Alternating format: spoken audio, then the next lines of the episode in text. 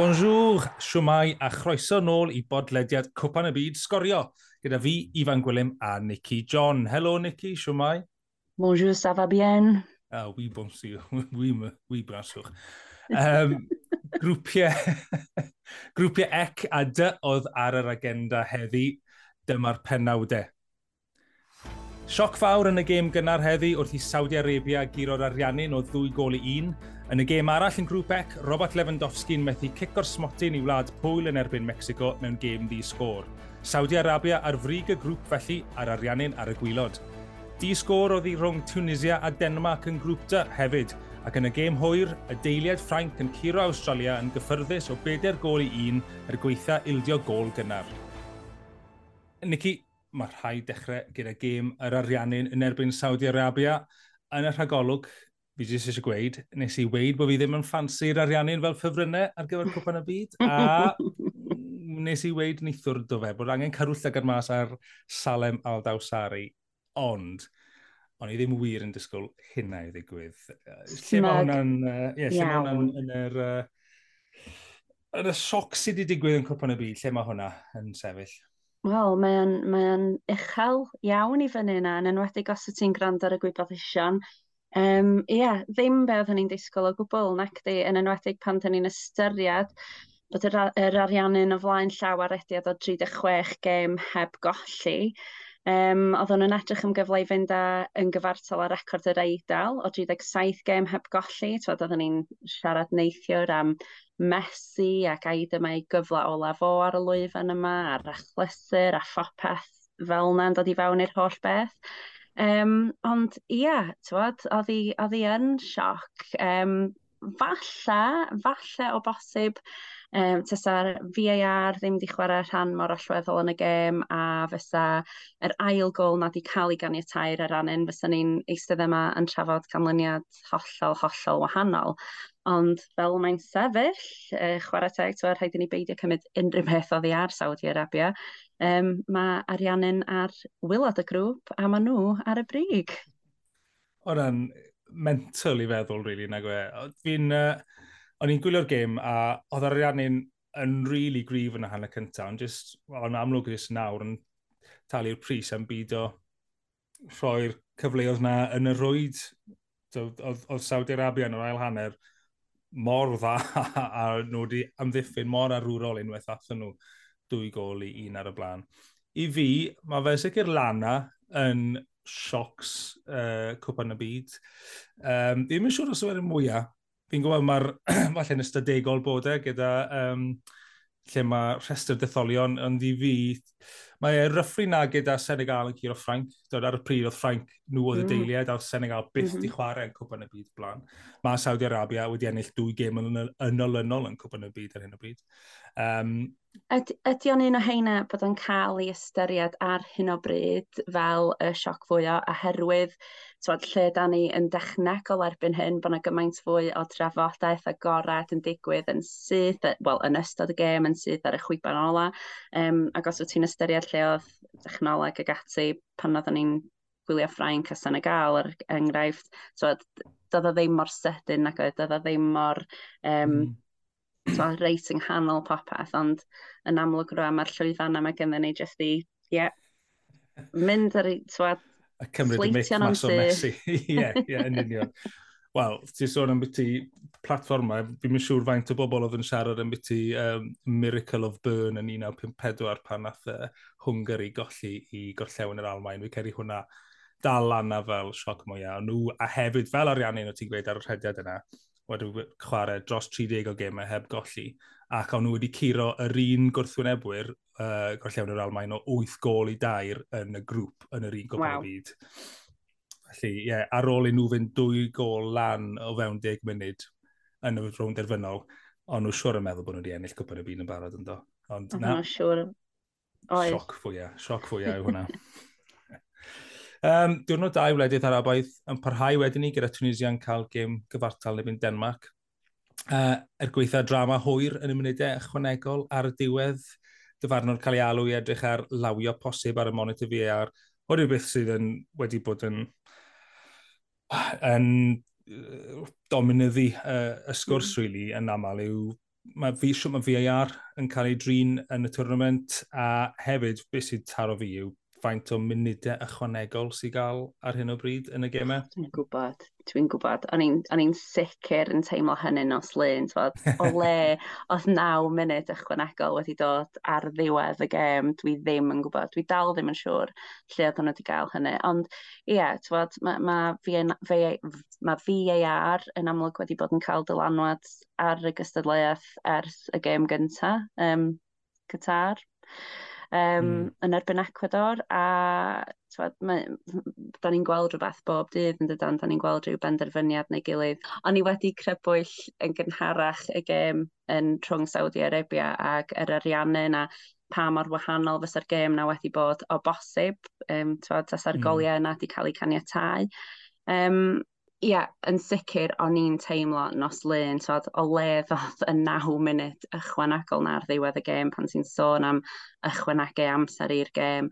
Um, a mae yna elfen hefyd o, so, mae gêm yn teimlo gymaint fwy stop-start, yn dydy mae'n ffeithio llif y chwarae. O'n i'n crybwyll gêm yr Ariannu na Saudi Arabia, pa mor wahanol fysa'r gêm a'r canlyniad yna wedi bod o bosib. Um, ond mae'n mae hen sgwrs mewn ffordd erbyn hyn yn dydy, achos dydy VAR ddim yn newydd i'r gystadlaethau ar y lefel yma erbyn hyn. Um, ac yn anffodus, mae rhaid i ni jyst dod i, dod i arfer a dod i dderbyn, achos diolch yn mynd i'n ynta. Na. Fi'n credu bod VAR yn gweithio eitha da yn y twrnament yma yn gyffredinol. Fi'n credu falle beth sydd yn wahanol i falle pa mor llym maen nhw yn y cwrt pan mae'n dod â trai'r cicio'r smotyn sydd wedi cael ei rhoi. Um, fe'n yr un gath i'r ran yn ebyn Lloegr. Um, ond ie, mae fe'n gyd yn adol an, maen nhw'n eitha strict gyda faint o munudiau maen nhw'n ychwanegu ar y diwedd. Yn y tair gêm dydd llun, oedd na awr ychwanegol yn cael ei chwarae. A mae hwnna'n ridiculous. 20 munud yr un ar average. Mae hynna'n bonkers yn dydi. Mae fe'n, ie, yeah, mae fe'n bron y bod yn dwy awr o gêm nawr. Dyna beth maen nhw'n goffod hyfforddi ar gyfer sydd yn, uh, yeah, mae fe'n ma fe yn newid y tactegau, mae'n newid siwt maen nhw'n hyfforddi, mae'n newid gymaint mm. o hmm. bethau pan ti'n pan ti'n goffod hyfforddi ar gyfer 50 a 100 extra o chwarae. Hmm, ie, mm, yeah, ie, yeah, bendant, bendant. Wel, si uh, clip yn gynharach heddiw o Gareth Bale yn siarad hefo rhywun yn dweud, dwi'n gwybod bod ti wedi blino, mae rhaid i ti dal i fynd mm. a dal hmm. i redeg. A, so mae hwnna'n mynd i fod yn wir yn achos sawl un rhan yn dydy drwy, drwy weddill y tournament. Ie, yeah, mae'n cynnig yna iaith bach mwy coch yn beth yma'n gweud. Nes i trio peidio cynnwys be'n union gafodd i ddweud. Uh, gym prynhawn mae wedyn ni, Mexico Glad Pwyl. O'n i'n edrych mlaen i hwn, achos yn wedig ar ôl beth y gwyddoedd yn gym ariannu, o'n i'n disgwyl, tyd, mm. mae pwy bynnag yn ennill hwnna, mynd i ddim mlaen a tyd, hawlio i lle yn y rownd nesaf, yn eitha cyflym falle. Ond, ie, uh, yeah, Ochoa uh, yn cael yr arbediad yna o cic osmotin Lewandowski. O'n i ddim yn meddwl bod e, y cic osmotin gorau yn y byd. Um, ond Ochoa wedi bod yn arwr mor aml i Mexico yn, a, yn benodol yn y cwpa yn y byd hefyd uh, wedi cael sawl ser yn y gêm i Mexico. Ie, yeah, ond Lewandowski, beth di sgorio mewn cwpa yn y byd uh, yn amlwg sefyll lan ar y cico smotyn yna yn teimlo'r pwysau. Sy'n pob un yn gallu delio â pwysau fe mae Gareth Bale yn gwneud. Na, na, mae hynny'n wir. Ond ti'n gwybod, pan ti'n meddwl am chwaraewr o'i safon o, safon o a be mae wedi gyflawni. So, Mae'n teimlo'n hollol bizar yn dydi i eistedd yma ac i ddweud bod erioed wedi sgorio dros i wlad. Um, ac oedd y oedd y nerfysrwydd, os mae dyna ydy'r term cywir, um, yn amlwg, dwi'n meddwl, pan oedd o'n wedi camu i fyny. Um, oedd y siom a faint oedd o'n brifo yn amlwg wrth weld o yn cerdded oddi ar y cae, ond so ti wedi crybwyll i golwr yn fanna, rhaid i ni beidio cymryd unrhyw beth oddi, ar, oddi wrth efo, achos oedd wedi gwneud i waith cartra. Um, chwaraewr arall sy'n hollol tywed, profiadol a rheiddiannol o fod yn sefyll rhwng y pist yna. A just o ran y sŵn oedd cefnogwyr Mexico yn neud mhm. pan nath o safio'r gol. So, so ti'n teiri bod nhw wedi ennill cwpan y byd yn y fan a'r lle, oedd y sŵn yn y stadiwm just yn hollol feddarol yn doedd. Oedd, a beth o'n i'n gweld yn, yn neis hefyd uh, yn y gêm yna, oedd gallu gweld am y tro cyntaf y cit gorau yn Copan y Byd yn Mexico. Mm, sydd yn mm, absolutely delightful. Mm. Di, mae e. Um, gêm hwyr wedyn ni.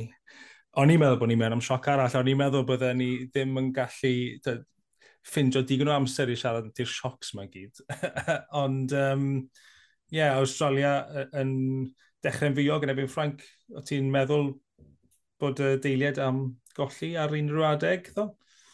Wel, twad, am yr, am yr munudau cyntaf yna, o'n i'n meddwl falle bod na sioc arall ar y cerdiau.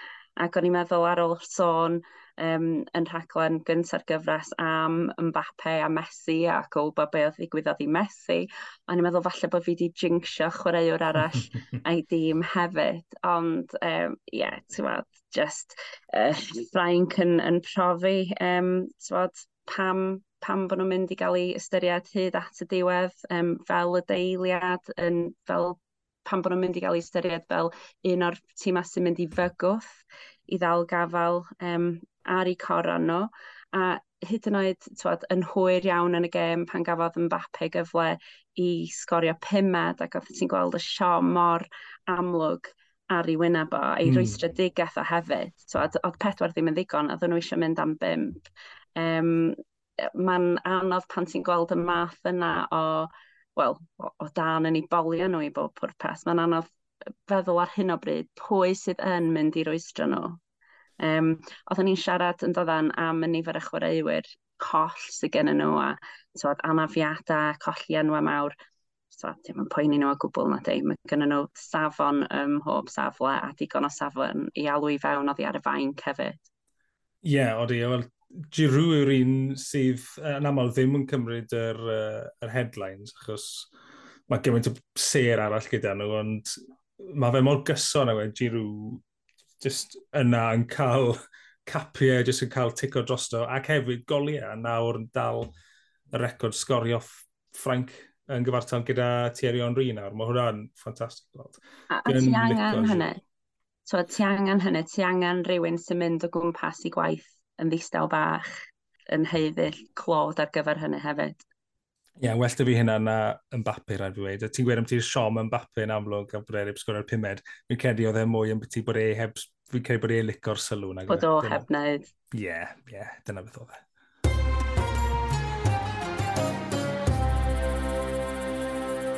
Mae yna ddiwrnod llawn o gemau gyda ni eto dim mercher.